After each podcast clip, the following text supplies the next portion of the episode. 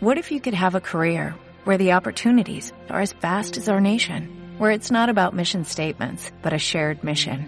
At U.S. Customs and Border Protection, we go beyond to protect more than borders, from ship to shore, air to ground, cities to local communities. CBP agents and officers are keeping people safe.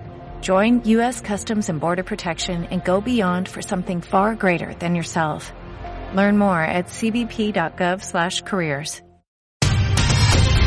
Noticiesdelta.cat, el butlletí informatiu de Ràdio Delta, amb tota l'actualitat de Deltebre.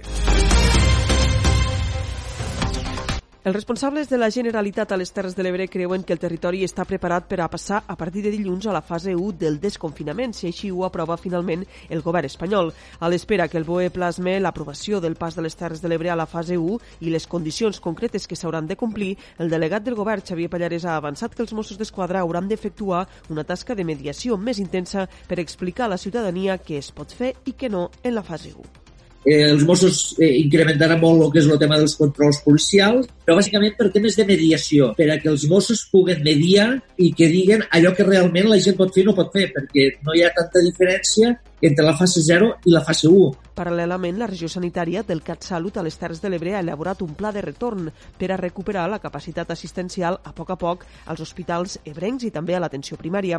Es prioritzaran les consultes telemàtiques en els casos en què es pugui i s'evitaran acumulacions de gent als espais d'espera de les consultes, segons ha explicat la directora dels serveis territorials, Marc Lleixà.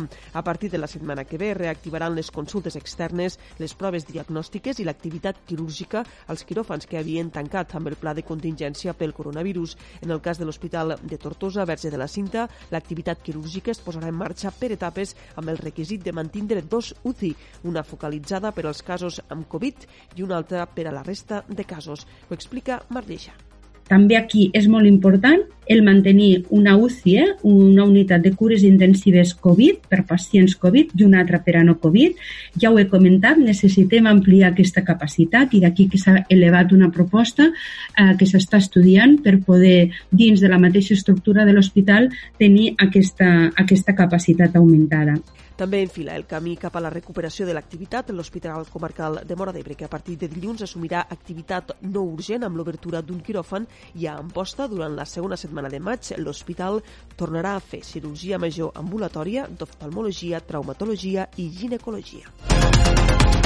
L'Ajuntament de Deltebre paga als seus proveïdors en un termini de només 4 dies, molt per sota del termini legal de 30 dies. Això ha fet que el consistori no hagi hagut d'avançar pagament a proveïdors com si ho han fet altres ajuntaments per a que les empreses disposen de liquiditat en el context actual de crisi de la Covid-19.